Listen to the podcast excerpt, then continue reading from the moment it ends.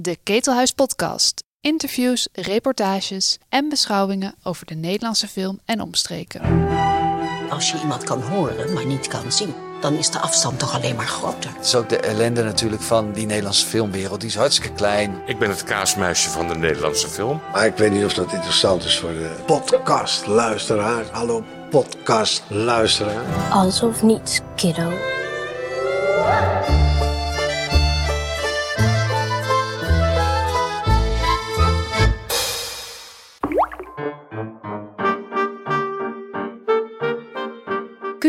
Slechte omstandigheden een goed mens blijven?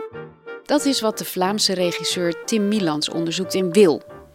Daarin zijn in het Antwerpen van 1943 twee jonge agenten per ongeluk verantwoordelijk voor de dood van een Duitse soldaat. En vanaf dat moment escaleert alles en blijken er geen goede keuzes meer te bestaan. Miland regisseerde series als Peaky Blinders, Legion en The Responder. Zijn debuutfilm was The Patrick in 2019, een tragicomedie tegen het decor van een naturistencamping. Ik wandelde met hem door Antwerpen op een plek van zijn keuze. Ik dacht misschien daar bij de kerk te beginnen. Welke kerk is dit? Dit is Sint-Michiels uh, kerk aan de Van Schoonbekenstraat. Um, voilà. En dat is een kerk waar dat mijn vader en mijn onkel altijd gevoetbald hebben. Oh, echt? En dus, dit is ook de buurt waar um, mijn vader zijn jeugd heeft doorgebracht en waar ik nu zelf woon. Ah, je woont hier nog? Ja, ik woon hier in de buurt. Ja, we zijn wel, uh, ik heb mijn jeugd doorgebracht in Mortsel, mm -hmm. Buitenwijk. Maar hij heeft altijd verteld over die buurt. Ik kon daar niet over stoppen. En nu woon ik hier zelf ook. Wat was er zo leuk aan deze buurt dan? Um, ik weet niet of er specifiek iets leuk was aan deze buurt, maar hij moest daar veel verhalen over kwijt. En mijn grootmoeder moest daar ook veel verhalen over kwijt. En de reden dat ik uh, in deze buurt wil afs uh, afspreken, omdat natuurlijk ik er bepaalde affiniteit nu mee heb, nu dat ik er zelf woon. En toch begin te begrijpen hoe dat mijn vader zich voelde toen hij mijn leeftijd had, toen hij erover praatte. Uh, en, en ik denk dat de film en ook het boek, of wat de film probeert te doen, is ook een soort van um, discussie tussen generaties aan te lokken. Van wat hebben jullie gedaan tijdens de oorlog? En hoe, welke, welke dialoog gaan wij hebben met onze kleinkinderen? Dus uh, deze buurt is voor mij een beetje symbolisch van een, een gesprek of een dialoog tussen de generaties en heeft voor mij een persoonlijke betekenis. Uh, um, het is niet de buurt waar dat de film zich afspeelt, uh, maar het heeft wel connecties daaromtrent. Wat, hoe oud is jouw, van wanneer is jouw vader dan? Uh, mijn vader is geboren in 1943. Mm. Um, juist wanneer de Duitsers hier weg zijn getrokken. Hij, hij, hij, wilt altijd, hij, hij zegt altijd dat heeft natuurlijk iets met mijn geboorte te maken. um, dus een grap die ik ook iets te dikwijls heb moeten horen. Um, maar, um, maar ja, hij, heeft, uh, hij is hier in de Pijkenstraat is hij opgegroeid. En hij vertelde altijd dat hij hier voetbalde. En dan discussies had met meneer Pastoor. En um, mijn grootmoeder, um, die vertelde altijd het verhaal.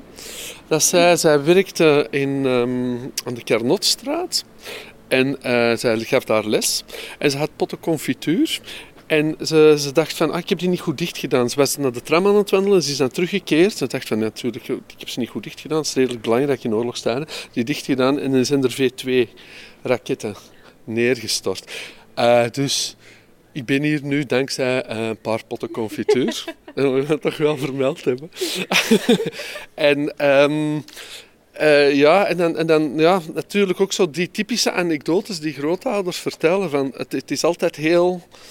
Um, heel visueel geweest. Ze kon echt, er is een bom terechtgekomen op uh, Cinema Rex, waar toen een kindervoorstelling bezig was. En ze, ze vertelt die horrorbeelden van het bloed dat door de straten, kinderbloed dat door de straten wandelde, of dode mensen die ze op straat zag liggen. Het waren altijd zo... Uh, altijd heel... Echt, je voelde altijd van, er zijn bepaalde bepaalde beelden die op hun netvlies gebrand waren, die ze altijd kwijt moesten. Het was nooit echt een gelaagde context, maar het was toch een beeld. En ze ook tegen hun kleinkinderen vertellen. Dus ze moesten wel kwijt. En die in de film Wil hebben er ook aan gedacht. Een soort subjectieve um, interpretatie van wat er zich in het verleden heeft afgespeeld. En, um, en, en, en ja, probeer de film ook een beetje te vertellen als hoe dan een oude man van 80 terugkijkt op, ehm, op zijn verleden. Maar hoe bedoel je subjectieve interpretatie? Ik, eh, ik vraag me altijd af, tijdens het draaien dacht ik, dacht ik van... Hoe kijkt die oude Wil, welk, welke beelden komen terug bij die oude man? Terwijl hij terugdenkt aan wat er gebeurd is toen hij 20 jaar geweest is. Het zal, het zal niet de realiteit zijn. Het is zijn interpretatie daarop.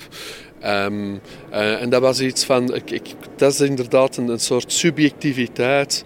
ehm, of een soort, een soort, zo- soort ja, nachtmerrie of zo die, eh, die, die ik centraal wou blijven stellen. Maar dit is interessant, want jij zegt van, daar werd, eh, mijn grootouders vertelden daar heel veel over.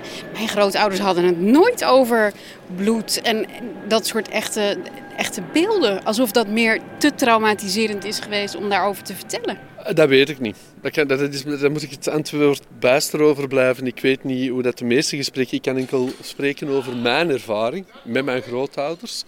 Ehm, maar ehm, ja, het is, het dat, dat, dat is iets wat ik een klein beetje herinner. Natuurlijk de grote vraag, ik was te oud om, om echt het gesprek te hebben van... Wat heb jij gedaan in de oorlog? Welke kant heb jij gekozen? En, en, en, en, en, en heb je daar spijt van of heb je daar geen spijt van? Die gesprekken was ik juist te jong om te kunnen vragen. Dus het was altijd wel redelijk anekdotisch. Ze wouden er iets van kwijt, maar ze wouden er ook niks van kwijt. Ben je daar dan eh, nu toch weer naar op zoek gegaan tijdens het maken van Wil of niet? Ja, eigenlijk de reden dat ik voelde dat, dat die film... Ik voelde dat die film hedendaags was. Ik voelde, als ik het boek las... Het boek... ehm, en het zit iets minder in de film, maar nodigt wel uit tot eenzelfde gesprek. Is een, is een, is een gesprek tussen generaties. Ehm, en, en ik voel nu deze dagen dat ehm ben dikwijls bezig met het gesprek dat ik met mijn kinderen en kleinkinderen ga voeren. En dat gaat over de grote beslissingen die nu moeten genomen worden rond artificial intelligence, die ik, waar ik van denk dat dat je een mijlpaal in de geschiedenis staat, een invloed hebben over alles. En, en wat is mijn visie daarover en welke keuzes kunnen we erover maken? Ik denk, Sunak zei nog van, dit is veel groter dan de industriële revolutie. Dus we staan echt op een kruispunt eh, waar dat we heel goed moeten denken, van hoe, willen, hoe zien we onze toekomst überhaupt? Eh, de natuurontwrichting is ook zoiets. En, en ik denk, de vragen die, we, die wij aan onze grootouders hadden kunnen stellen, of misschien onze ouders hadden kunnen stellen, waarover er gezwegen werd, hebben misschien ook wel een zekere kracht, gelijk dat onze kleinkinderen naar ons zijn aan het kijken. Dus ik denk, die, die, die, ja, dat, die discussie tussen die, tussen die generatie, dat is, iets, dat is iets dat mij bezighoudt. En daarom ook deze plek. Laten we, laten we het even hebben over, ehm, over Wil. Ehm, laten we beginnen bij de, bij de hoofdpersoon. Wil zelf. Ja, hoofdpersoon Wil.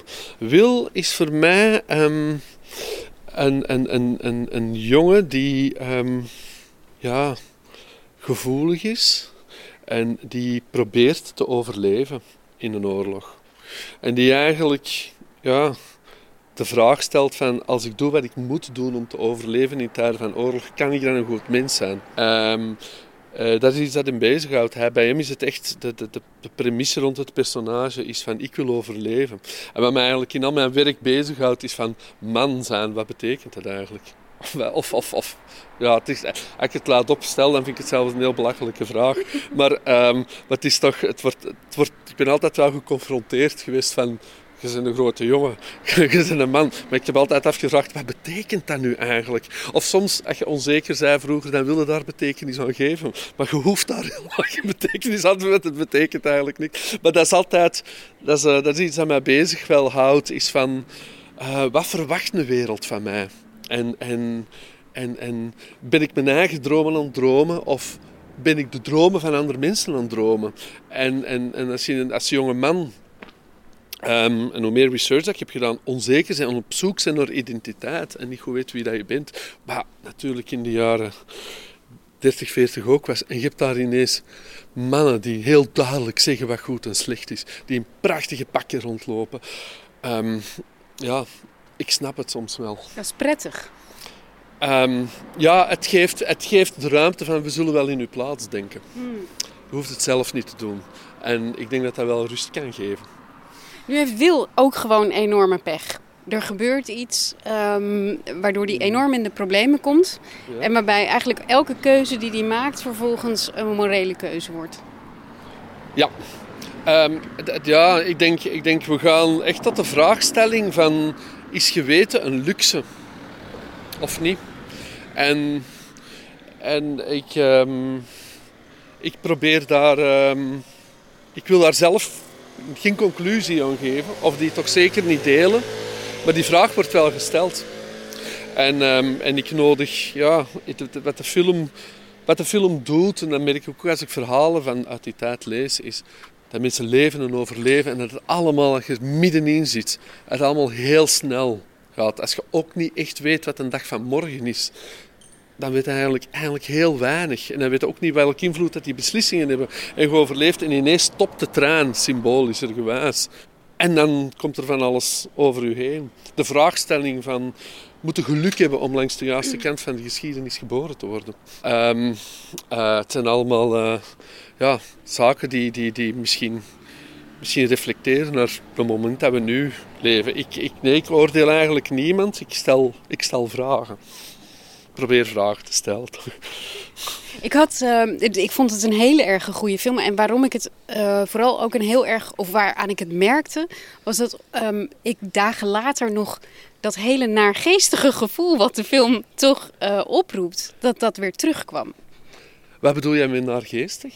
Het is een hele harde oorlogsfilm, vond ja, ik. Ja, ja, ja. Um, ja het is. Het is um, ik, ik, ik, wat ik probeer te vermijden, en wat wel in de film zit, er zit natuurlijk veel passie en romantiek in die film. Maar het is geen film, als je buiten komt, dat je denkt van... Nou, die oorlog, Misschien niet zo gemakkelijk, maar toch. Hè? Kans is groot dat je het overleeft, net zoals de hoofdpersonages. ik, zeg, wel, ik niet wil wegnemen dat onze personages het niet overleven, maar ah, het, het, het, brengt wat meer passie. Het, um, de liefde is een beetje groter. Uh, het brengt mensen toch wel wat dichter bij elkaar. Zo erg is het toch eigenlijk echt allemaal niet. Of een soort verromantisering in wil steken. Ik, ik, ik, ik ben een beetje aan het lachen natuurlijk. Mm -hmm. Maar... Um, maar we willen, ja, ik probeer het niet te romantiseren. Ik probeer een, uh, ja, ik, ik, het, is een, het is een poging om, uh, om, om er echt middenin te staan. Ja, maar er zitten echt keiharde scènes in. Um, Martelscènes zitten erin. Uh, een scène van een razzia die echt bijna niet om aan te zien is. Um, aanval van een synagoge. Um, ik, ik, ik denk dat het geweld in die film, ja, altijd wel functioneel is. Ik denk ook als het binnen een Nederlands gesproken is, uh, dat het iets dichterbij voelt dan het misschien met um, buitenlandse films is. Ik bijvoorbeeld een reeks waar ik aan geregisseerd heb, Peaky Blinders. Ik vind het verschil in geweld dat ik daar toepaste en hier niet zo bijzonder groot. Um, maar natuurlijk is dat iets dat ver weg is. Dat is Birmingham, dat is Engels, dat is dat ver van ons huis. En als het dichterbij komt, denk ik dat onze reactie misschien iets groter is. Um, ja, het, het, het, het, geweld, um, ik denk dat het u dieper in het verhaal trekt. Ik denk dat het de morele dilemma's nog groter maakt en dat het de film alleen maar spannender maakt. Ja. Nu hebben wij in Nederland best een grote traditie van, van oorlogsfilms. En zeker daarbij vergeleken um, merkte ik dat dit veel um, explicieter was. En ik vroeg me dus inderdaad af of het ook niet zo is dat andere regisseurs misschien een beetje inhouden omdat het Nederlands is? Um, daar heb ik, ja, daar moet je aan, mensen vragen wat hun beweegreden is om het wel of niet te doen. Um, er zit best wel wat geweld in het boek. Maar ik, het is ook niet gemakkelijk om het te doen. om het goed te doen. Ik heb, ben heel trots op, op wat make-up en, en, en en de ploeg die we hebben gehad om het, om het in elkaar te steken. Um, maar zoals ik al zei, het is, het is, het is ook een... Het is ook weer, ik hoor weer de stem van mijn grootouders die praten over hetgeen wat ze gezien hebben. En het is, het, het, is, ja, het is een subjectieve ervaring een beetje. En ik denk dat het... Ik hoop dat het misschien ook zo wel aanvoelt. Dat het niet aanvoelt als echt, echt, echt. Maar dat het aanvoelt is van zo dat ik het herinner. Mm -hmm. uh, en ik denk dat het, dat het daardoor um, uh, ook niet al te veel mensen zal afstoten, hoop ik. Het is een beetje een, een, een droom, een koortsdromer dat je binnenstapt. En, en, waar, en dat, is, uh, dat, doet de film ook. Ik wil ook aanduiden dat, dat, dat er best wel burleske figuren in voorkomen. Met Waar we echt proberen verder te zoeken naar toch bepaalde praken en lange neuzen. En, en, en je komt wel in een soort van uh, onderwereld terecht. Ja, die, die misschien uh, die, die, die, die droom, dat droomgevoel evoceert. Ja. Is dat ook de reden? Want je gunt de kijker echt geen, geen licht, letterlijk. Het is altijd donker, het regent, het is duister. Um, ja, het, was, het is een stadsverhaal. Het is... Uh, het is um, het is een noir, een film noir verhaal waar we ons op geïnspireerd hebben. Het is ook op het schilderij. Ik heb, ik heb, het boek, ik heb ook gedacht van, ik wil het boek naar één beeld brengen. En ik kwam ook uh, aan Garçon dans un train met die kleuren. Um, maar ik, ja, ik hoor, en ik hoor toch ook heel veel mensen lachen. Um, het zijn wel uitspraken. Ik denk Sophie de Kleer, uh, die dan de prostituee speelt. Uh, ik, denk, ik denk, ja, hoe morbide dat soms misschien ook kan zijn. Jane Birvoets, die die, die, die, die speech ligt te verkondigen. Ik denk uh, Dirk Roofhoofd, die met een lange, die met, met zo'n zo rare vreemde baard, de meest waanzinnige dingen. Het, is, ja, het zijn van die ja, bizarre figuren nu. Al die figuren zijn ook gebaseerd op foto's die we hebben teruggevonden. Dus we hebben niet gefantaseerd. We kwamen gewoon op veel foto's en dachten van... Zo, dat waren inderdaad de kapsels. Uh, Mensen aten soms weinig groenten en alleen vlees en ook bepaalde vormen en trekken rond hun ogen. Um, het, zouden we nu teruggaan naar die tijd, zouden we grote ogen trekken en we er allemaal ook insteken. Mm. Het is interessant, want wat ik zei, in Nederland hebben wij best een, een uitgebreide traditie in, uh, in oorlogsfilms. Ik heb nu uh, gegoogeld, want ik dacht, ik kan me er geen enkele herinneren uit België. Dus ik heb films Tweede Wereldoorlog België, kreeg ik een top 5, stond maar één film in. Ah, ja, ik, ik, moet, uh, ik moet het zelf nog eens nakijken uh, uh, wat de top 5 films zijn van Vlaamse oorlogsfilms. Ja, nee. Maar zijn ze er wel? ik denk het niet. Je weet niet of je de Eerste Tweede Wereldoorlog... Jawel, jawel, ik, denk dat, ik, denk dat in de jaren 60 nog een film is geweest, maar die, die heeft niet echt tot aan de oppervlakte gekomen. Maar ik denk dat dit de eerste grote um, allee, commerciële fictie Tweede Wereldoorlog film is. Um, ja, ik denk, uh, welke reden zou het hebben? Ik weet het eigenlijk niet, is mijn eerste, eerste antwoord. Ik denk wel, rondom collaboratie is het altijd heel stil geweest. En dat is ook de voice-over van de film. Um, en toen werd er zoveel mogelijk gezwegen. Um, maar ik ga het aan andere mensen en historici overlaten om daar uh, de vinger op de wonden te leggen. Want uh, ik, ik weet het zelf niet echt. Ja, voor mij als Nederlandse denk ik, dan heb je eigenlijk alle kleurtjes van de, van de Tweede Wereldoorlog inmiddels wel gehad. Hè, in alle decennia dat we het hebben gehad. Maar wat jouw film anders doet, is um, dat het een situatie toont waarin eigenlijk helemaal geen goed of kwaad mogelijk is. De, er zijn gewoon geen um, goede uitwegen. Um, binnen een, een oorlogs. Um, ja, het is, het, is, het is eigenlijk eigenlijk, eigenlijk, is de vraagstelling die we al heel lang niet meer doen. En ik denk dat we in uitzonderlijke tijden leven, is van voor wat wil je sterven? Ik denk dat heel veel generaties um, zich de vraag hebben gesteld, voor wat wil ik sterven? Als we zelf die oefening zouden maken, dan zou ik zeggen, ja, voor kinderen en, en partner, uh, ja, eh, vanzelfsprekend. Um, um, voor, voor een, bijvoorbeeld een boerderij die al generaties meegaat, ja, oké, voor je land, Hm, vraagteken. Sterven voor democratie, dat is een heel goede vraag. Wil je sterven voor democratie? En natuurlijk de link met, met Oekraïne. Um, het, zijn, het, zijn, het zijn vragen die we ons lang niet hebben moeten stellen. En die generaties voor ons altijd wel hebben moeten doen. En, en het is eigenlijk ja, terug opnieuw eerder de vraagstelling eerder dan de conclusie of de reden. En, en voor uzelf die vraag stellen. Ik denk dat, dat maar één iemand eerlijk erover kan zijn en dat ben jij zelf. Je moet dat niet in plaats van andere mensen doen. Waarom ben je er eigenlijk zo mee bezig? Dat is een heel goede vraag. Ik denk dat dat, dat moet te maken hebben met ouder worden. en zelf kinderen krijgen. Ik denk kinderen krijgen... Uh, kinderen zien opgroeien en afvragen van wat is hun toekomst. En dan uw ouders ouder zien worden. En uw grootouders missen. Ik, ja, het zal midlife zijn dan. Je zit in een midlife crisis, dat is het Ja, gewoon. dat zal het zijn. We moeten gaan een oorlogsfilm maken om dat helemaal, helemaal eh, te verwerken. Ja. Waar zijn we nu? Want jij wees net een kant op, dus je wilde dit- per dus se dit, die... is, dit is de Pijkenstraat waar mijn grootouders en ouders gewoond hebben. Dus we hebben eigenlijk een toertje gemaakt. En, ehm, en dan, als je hier verder doorkijkt, dan zie je de waterpoort. Mijn vader dacht dat dat het einde van de wereld is. Dus hij was daar redelijk van overtuigd. En zeg ik ook met mijn kinderen, als we gaan rijden, gaan we naar het einde van de wereld. En dan weten ze, ah ja, dat is van opa. En dan, ja, dan blijft altijd een beetje doordringen van, wat geef je van je eigen vader mee naar je eigen kinderen? En, en, en ehm, voilà, dat, is, dat, is- dat vind ik wel mooi. Jouw vader is, is wiskundige.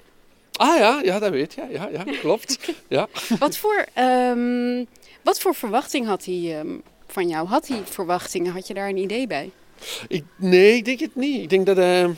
hij- ik, denk, ik, ik ben zelf... eh, ik ben gematigd zwak in eh, wiskunde zelf. Dus ik dacht, dat gaat toch niet aan. Maar hij was wel, hij was wel heel geboeid en gepassioneerd aan het vertellen over, ehm, over, eh, over, over wiskunde. En eh, hoe... Ik zie, ik zie wiskunde... Ik ben opgegroeid en ik zie wiskunde als iets intuïtief. En als iets heel creatief en zelfs als iets spiritueel. Dat zal, in, dat zal totaal ingaan tegen hoe de meeste mensen wiskunde hebben ervaren. Bij hem was het, hij zat met zijn hoofd in het heelal en hij was met, hij was met niks anders bezig. Ik weet nog dat ik van een vijf terugkwam en we hadden, een uur afgesproken en ik was daar natuurlijk mij niet aan gehouden. En het was laat en ik stapte, mee, ik stapte naar boven en hij zei van... Tim, en ik moest zijn bureau binnenkomen en hij zei, ik heb God in de ogen gezien, maar hij durft niet terugkijken. En dan dacht ik van, waar is die man de hele tijd mee bezig? Jezus. Eh, nee, ik heb, ik heb, ehm, ja, het was, ja, ik heb een heel inspirerende figuur geweest. eh, en die, die, ja, die de fascinatie... Hij was ook, denk ik, altijd met wiskunde bezig. Altijd. Hij, was, hij, hij zag mij graag en hij luisterde naar me. Ik denk dat er geen moment was dat hij er niet aan dacht. Ja, Hoe denk je aan wiskunde? Ik denk, maar je zit toch niet de hele tijd sommetjes te maken in je hoofd? Maar dat is mijn beperkte blik, denk hij ik. zit, hij zit problemen op te lossen. Ja? Hij zit problemen op te lossen. En, en, en ja, het- ik denk, het, het danst door de oneindigheid in het heelal. Ik denk dat hij iets waanzinnig... Ik denk dat het een, een continu een waanzinnige LSD-trip moet gezeten hebben. maar, dat, maar dat met logica. En hij vertelde er ook over de grote geudel. En, en, het, is, het, is, het, is, ja, het, is, het is een heel fascinerende tak van de wetenschap. Maar hoe ben je dan überhaupt dat hele filmvak ingerold? Dat is helemaal dankzij mijn moeder. Mijn moeder heeft, heb ik eigenlijk alles aan te danken. Die kende mij beter dan ik mezelf kende. En eh, ik tekende graag en ik droomde veel. Maar mijn film dat was iets voor... Dat was veel te exotisch. Dat was voor mensen die een goed leven hadden. en die... eh, nu weet ik dat dat niet waar is. Maar die... eh, maar die, dat, dat, dat was exotisch. Dat was, dat, was, dat was niet voor mij bestemd. En toen wou ik lange omvaart gaan doen Sorry, de wat? lange omvaart, kapitein worden voor lange omvaart in grote schepen. En zei mijn moeder, "Oh, ik ben zo bang dat je alcoholverslaafd gaat worden. En, eh, Hoe kom je op het idee van die boten? Dat is, ja, dat is exotisch, dat is weggaan, dat is de wereld rondtrekken, dat is niet, proberen niet in de realiteit te zitten. En ik denk dat het dat was. Ik, ik dacht dat ik bezig wou zijn met vormen van escapisme. Dan kan je nog steeds heel veel andere dingen kiezen, Tim. Maar goed, als dit het voor jou was, is ook goed. Ik weet het niet. Ik weet het niet. Het was, geromantiseerd. En ze zei, er is zo'n filmschool daar in Brussel. Er is een ingangsexamen. Ga er dan maar even naartoe. Doe dat maar gewoon. Als het niet lukt. eh, en dan kom je dan terug. En, ehm, en daar weet ik nog dat ik tegen Mark Didda, een, een, een, ehm, een filmmaker, een leraar die, ik- die nog altijd heel erg bewonder en graag zie, gezegd van... ehm, ja, Mark, het is heel duidelijk. eh, ofwel ga ik varen, ofwel doe ik cinema. En hij heeft gezegd, doe jij maar cinema, jongen. Maar dat is toch heel opmerkelijk, want je... Dat is zoals die Eigenlijk- confituur. Dat is zoals die potten confituur. Soms ligt het in heel stomme, kleine, banale dingen. Is het niet? Ja. Nee, maar het is toch... Je moet voor zo'n filmschool doe je dan auditie. Er zijn mensen jaren mee bezig om dan precies die ene film... om dan daarop te komen, omdat ze dat het belangrijkste vinden van de wereld. Daar rol je toch niet zomaar in? Ja, ik denk, ik denk dat ze gewoon... Ik, denk dat, ik weet niet, je moet het aan hem vragen natuurlijk, maar ik denk dat hij iets zag in, ehm, in mij. Wat dat ook moet zijn, dat, dat weet ik niet. Dat weet ik nog altijd niet. En dan, ehm, hij zag daar iets in, ja. En dan, dan, dan denk ik ook wel, dan ben ik documentaires beginnen maken. Uh, en dat ging dan ook over een man die lijnen trok in een voetbalstadion. En dat was heel leeg en had een heel filosofie over waar dat de tijdslijn in tijd getrokken werd. En, um, en, en, en dat had ik gemaakt en dat vond ze heel goed. En toen dacht ik van, ah, ik kan iets. Ik denk dat dat een van de mooiste dagen van mijn leven was. Dat ik dacht van, ik kan iets. Het is niet niks dat kan. Er is iets dat ik kan. ik dacht dat ik echt niks kon omdat ik ook wat dyslexie had en zo. Maar dat was, dat was duidelijk. Ik kon, er was iets. Er was licht. Er was een mogelijkheid om iets te doen met mijn leven. Dat is een van de mooiste dagen van je leven. Ik denk toen op de trein terug. En mensen die zeiden... Wauw, goed. Ja, ja, maar echt over, ja, ik denk, denk ja, overtuigd zijn dat je echt niks kunt. En daar heel lang in overtuigd zijn dat je echt niets kan. Ik speelde wel wat gitaar, maar dat was allemaal nooit echt. En dan toch het gevoel van, ah, misschien, heel misschien. Maar zit je dan nu heel lekker comfortabel uh, in je regisseursrol? Ja, ja ik, op een set voel ik, voel ik me uh, heel goed. Heel goed. Omdat ik ook, ik werk hard, ik studeer hard. Ik blijf altijd studeren over filmen, hoe ik het kan verbeteren. En ik, uh, en ik voel me... Ik ben ook wel gespecialiseerd in acteursregie en zo. En ik voel... Ja, ik voel dat contact bijvoorbeeld ook met mensen als Killian Murphy. En waar ik nu een film juist mee heb afgewerkt, dat, um, dat daar toch ja, dat daar, dat er een dynamiek is tussen ons. En dat voelt lekker, dat voelt, ja, voelt goed. Wat is dynamiek? uh, elkaar duwen. Bij elkaar trekken en duwen en terug wegstoten. En, en, en zodanig dat er, dat er chemie, dat er iets ontstaat. En hoe doe je dat dan? Wat, wat is dan het geheim daarvan? Moet je gewoon een bepaald type mens zijn? Ik denk dat je vooral jezelf moet zijn. Ik denk dat je het niet kan doen als je niet jezelf bent. Um, ja, hoe dat ik regisseer is soms wat surrealistisch, soms wat vreemd. Um, we proberen naar bepaalde reacties te creëren of in bepaalde moods te komen. Wat is surrealistisch regisseren? Veel met dieren werken. Veel met beelden van dieren werken. Maar ik, ik kan, het is een beetje als een goochelaar die zijn, die zijn trucs niet allemaal gaat vertellen. Maar het is, uh... Je kan het aan mij vertellen. Doe maar gewoon. Dieren. Dieren. Um, ja, nee, het is, ja, nee, ik kan die voor, voor mezelf houden. Oh, dit is prachtig. Kijk, oh, dit, dit zo met zo'n Maria vind ik heel mooi. Ja. Het is, het is mooi dat mensen... Een plek is een emotie. Het is een plek aan een vat, vol, zijn vol emoties. Um, dus dat is echt een plaats waar dat mensen iets hebben meegemaakt. Waar dat mensen een herinnering hebben. Iets emotioneel hebben meegemaakt.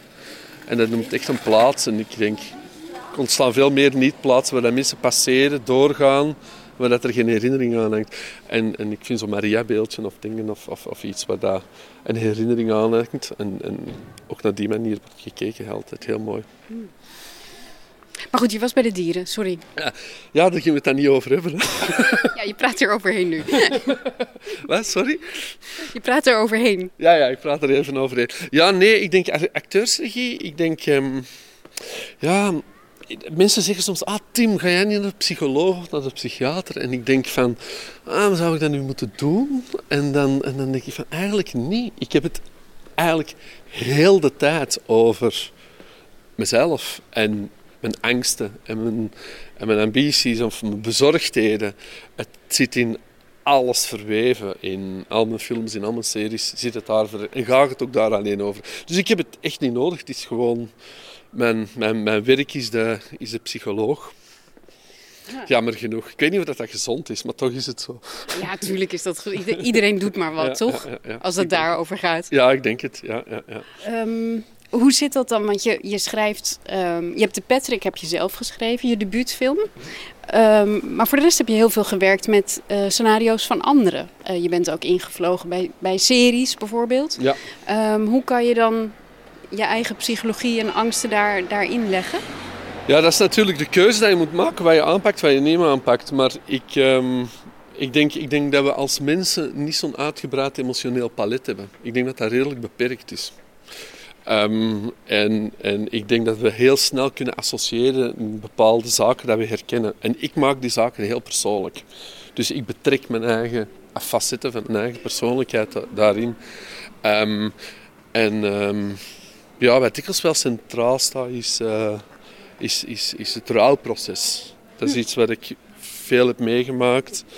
ehm, met de dood van mijn broer. eh, en, en dat zo'n indruk op mij heeft gemaakt. Dat eigenlijk, ik denk eigenlijk alles wat ik doe daarover gaat. Hoe oud was je toen? Ik was toen 14 jaar. Ja. En hij? Eh, en hij was eh, in de 20. Dat was wel een leeftijdsverschil, maar ehm, ja. Maar dat is een hele moeilijke leeftijd ook. Ja, ik denk, ik denk dat, ik denk dat inderdaad, rond, inderdaad, het is inderdaad wat, je, wat ik er juist over had, die identiteitscrisis, gecombineerd met, een, met, met, met rouw. Ehm, ja, het komt daar aan. Het is, het, is, het is een cocktail van gevoelens waar dat je, die je niet allemaal kan plaatsen. Die, die geen... Ja, die, die moeilijk te plaatsen zijn.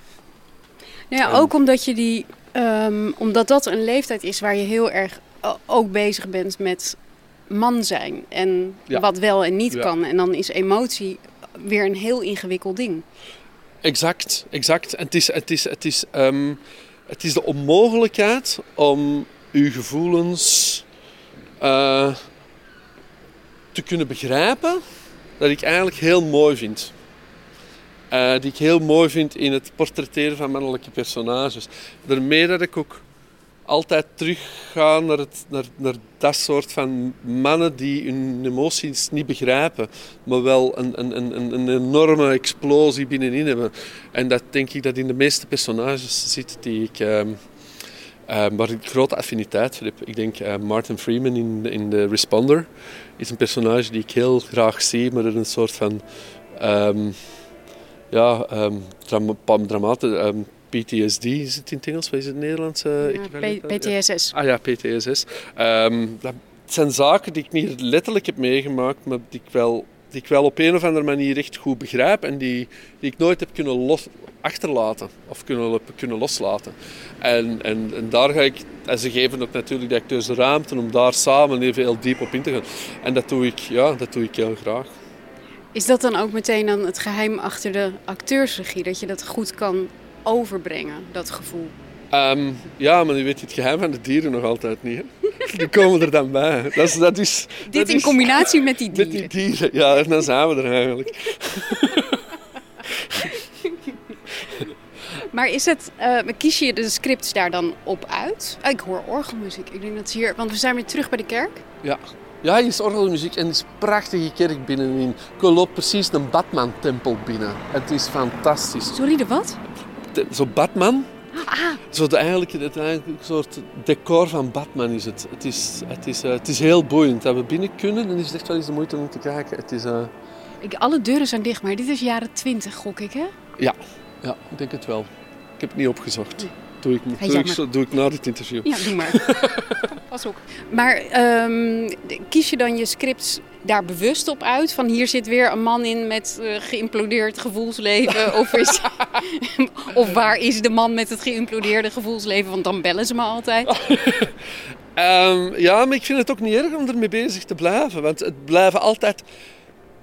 Ofwel, ofwel is het ook inderdaad het palet van de man heel beperkt, maar ik, ik, heb, eh, ik heb genoeg te vertellen of rond te vertellen. En het zijn ook altijd heel verschillende, want ik denk personages als Patrick.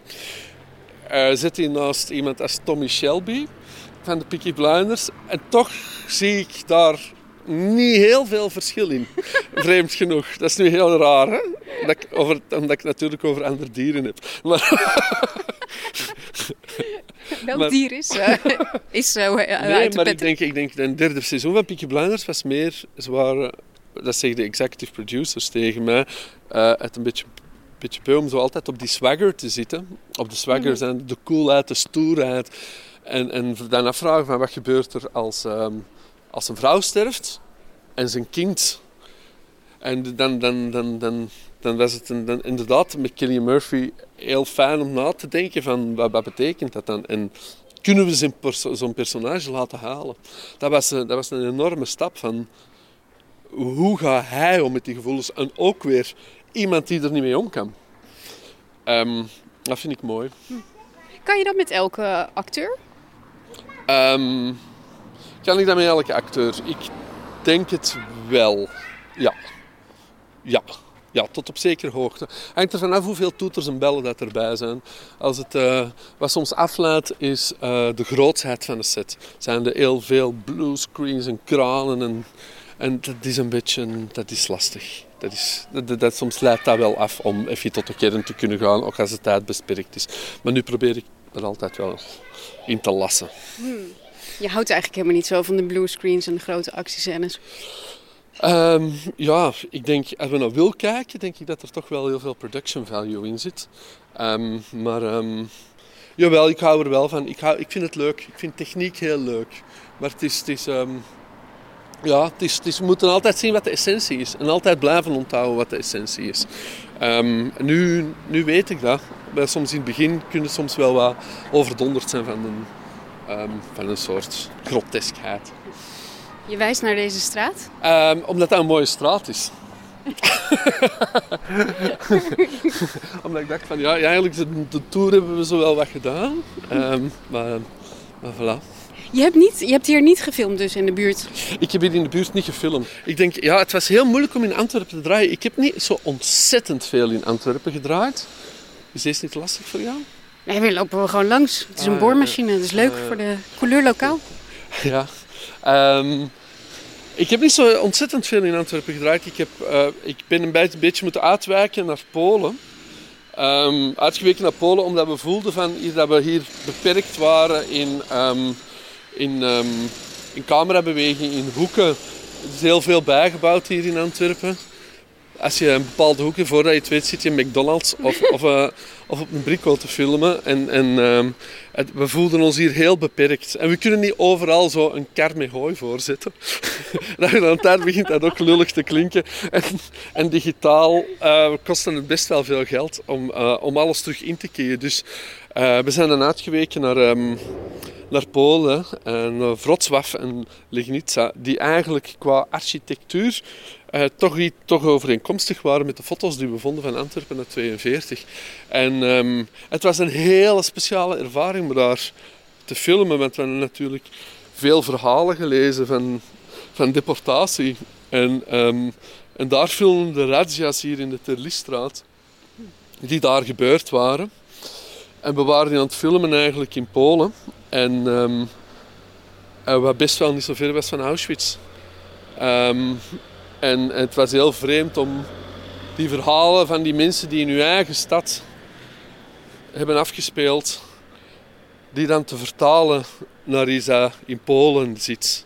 En dat ook in Polen te doen. En, en dat heeft wel, dat heeft, ja, dat heeft ons wel op een of andere manier um, soms bewuster gemaakt van, van wat we aan het maken waren. Mm. Bij cast en crew. Helpt het om um, ook om op locatie te, te, filmen, moet je ook niet gewoon wel in Antwerpen dingen opnemen. Bijvoorbeeld, je, je zit wel in het uh, Centraal Station bijvoorbeeld.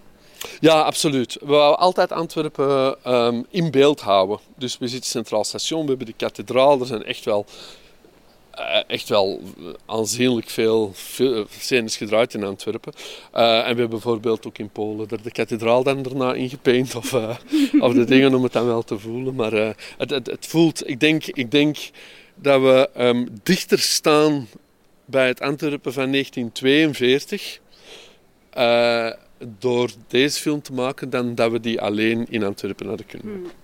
Heb je, kijk je nu ook anders naar Antwerpen? Kijk je anders naar straathoeken? Want ik neem aan dat je nu ook meer weet van wat er precies gebeurd is en wat zich hier heeft afgespeeld.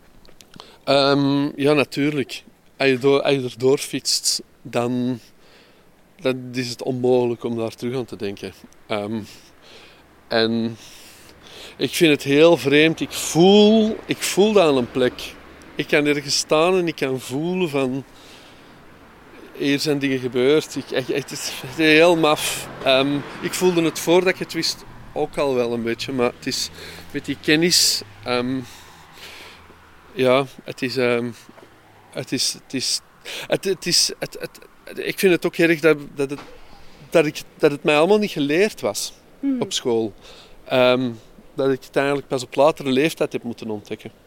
Natuurlijk hoop ik ook dat de film uitnodigt om voor mensen om uh, naar die dingen te gaan kijken. Wat ik ook nog wel wil zeggen is, ik heb mij met die film geïnspireerd op, um, op feiten die gebeurd zijn.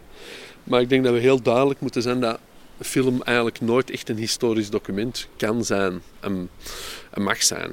Ik denk dat geschiedenis heel, zichzelf heel serieus moet nemen en, uh, en heel academisch moet blijven. En dat film um, ja, moet proberen een mentaliteit of een emotie naar boven te brengen. En daar ook alles voor moet doen om dat te kunnen doen. Dus in die zin ben ik liever eerlijk subjectief dan pseudo-objectief. Ja, ja, ja, het nachtmerrieachtige wat je, er, wat je uitgelicht hebt eigenlijk. Ja, inderdaad, klopt. Ik vind het wel grappig hoe je uh, zo makkelijk over regisseren praat. Want ik las juist dat jij um, ooit ook hebt gezegd dat, dat voor jou beginnen aan een film voelt alsof je naar het front moet. Ah ja. Om in het oorlogsthema te blijven. Ja, ik, ik, um, ik denk eens hij op de set staat, gaat het allemaal wel.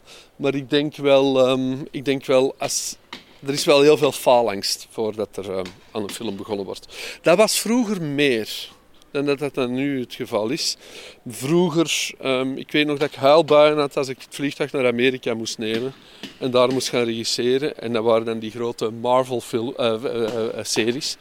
Uh, uh, uh, dan, dan dacht ik van, ik, waarom doe ik dit eigenlijk? Ik, ik kan het toch helemaal niet kunnen? Dat is toch duidelijk? maar dan, dan eens, eens dat je het dan gewoon doet en je probeert het, en, en dan, dan, dan, het bleek wel heel goed te lukken. Best geamuseerd. Ja. Best, best geamuseerd, maar als je dan durf je ook wel terug te kijken dan? Ik kijk eigenlijk nooit terug. Nee, ik, kan, ik kijk niet terug. Ik weet niet waarom, ik heb geen reden, maar ik kijk niet terug. Ik ben, um, ben bang om allemaal fouten te zien en, en het niet goed te vinden. Ja, maar daar leer je dan weer van, toch? Um, ja. ja, maar ik, ik leer graag.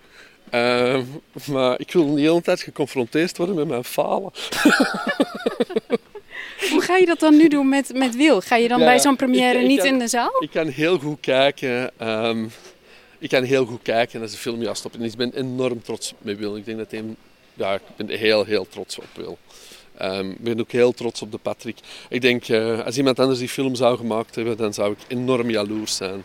Dan zou ik die mensen ook haten. Dat ik denk van, het is, dit is volledig wat ik wil doen. Dus uh, nee, ik ben bijzonder trots. Maar toch, als er dan wat afstand is, dan is van, waarom heb je dat gedaan, waarom heb je dat gedaan? Maar dat is, um, ik denk dat het altijd het proces is van, um, denk ik, elke mens die creatief bezig is. Ja. Je zei net dat je... Um, je, je hebt net een film opgenomen weer met, uh, met Cillian Murphy, die natuurlijk in Oppenheimer zit nu. -hmm. Dus alle ogen zijn nu op die volgende film gericht. Tim. um, en wel, ook niet echt een probleem. Het is, een, het is echt heel duidelijk een andere film. Het is een, uh, het is een arthouse film. Het is een adaptatie van een boek van Claire Keegan. Um, en um, ja, het, is, het is zo anders dan Oppenheimer. Zo, zo anders. Uh, en en, en ja, het is, is, echt wel de, de handtekening, denk ik, van ons getweeënd. We hebben echt die film samen gemaakt. Uh, we hebben samen in dat was het scenario geschreven. En hebben met drie eraan gewerkt. En dan, uh, en dan op de set ja, was er een heel goede verstandhouding. Was het, was het heerlijk om, om met hem te werken. Hij is zo goed. Hij is echt belachelijk goed. Het is, uh, het is wat zo autosleutels krijgen van een hele, hele goede wagen. Het is, het prachtig. Hoe bedoel, je, je bestuurt hem wel dus eigenlijk? Jij bent ja, wel de baas? Ja, ja, tuurlijk, tuurlijk. Nee, nee, nee, tuurlijk bestuur ik hem. Het probleem is, met Killian is hij, hij kan zo snel gaan in de auto, om verder in metafoor te blijven. Het is een Ferrari. Ja, het is echt belachelijk snel. En dan, dan doe je dat ook. Hè. Dan ga je echt drukken gewoon om te zien hoe hard dat hij kan. En dan komt er echt van alles uit dat ongelooflijk is. Dus, uh, dus soms denk ik van, je moet minder hard duwen. Het is, het is, um, je kunt ook gewoon rijden. dat is, dat is saai. Ja, ja, ja, voilà. We houden een beetje in, team. Uh, maar uh, nee, het was, het was fantastisch. Ja. Je hebt uh, de Patrick gemaakt, dat was een, een tragicomedie. Mm-hmm. Um, dat was je debuutfilm, heb je zelf geschreven. Je bent daarna, of tenminste, je maakt heel veel Amerikaanse series, Britse series. Dit is ook uh, best een duistere film. Ga je weer nog richting die comedykant. Mis je die niet? Ja, ik mis die best wel, ja. En ik denk dat ik misschien terug, terug, terug naartoe ga. Het is, uh, het is inderdaad van... Ik vind... Pijn vind ik best wel grappig. En uh, zeker, zeker existentiële pijn heb ik altijd heel grappig gevonden. Ik moest even, ik moest even uh, een zijweg nemen om die op een dramatische manier ook eens uh, te kunnen benaderen. Maar ik wil wel pijn terug met humor vertellen. Dankjewel. Dank je. Ja, bedankt. Tot zover deze Ketelhuis podcast. Je vindt de Ketelhuis podcast in je favoriete podcast app en natuurlijk op onze website ketelhuis.nl/slash podcast. Abonneer je vooral zodat je geen enkele aflevering mist en leuk als je een reactie achterlaat. Hou ons in de gaten, we zijn snel weer terug met een nieuwe podcast.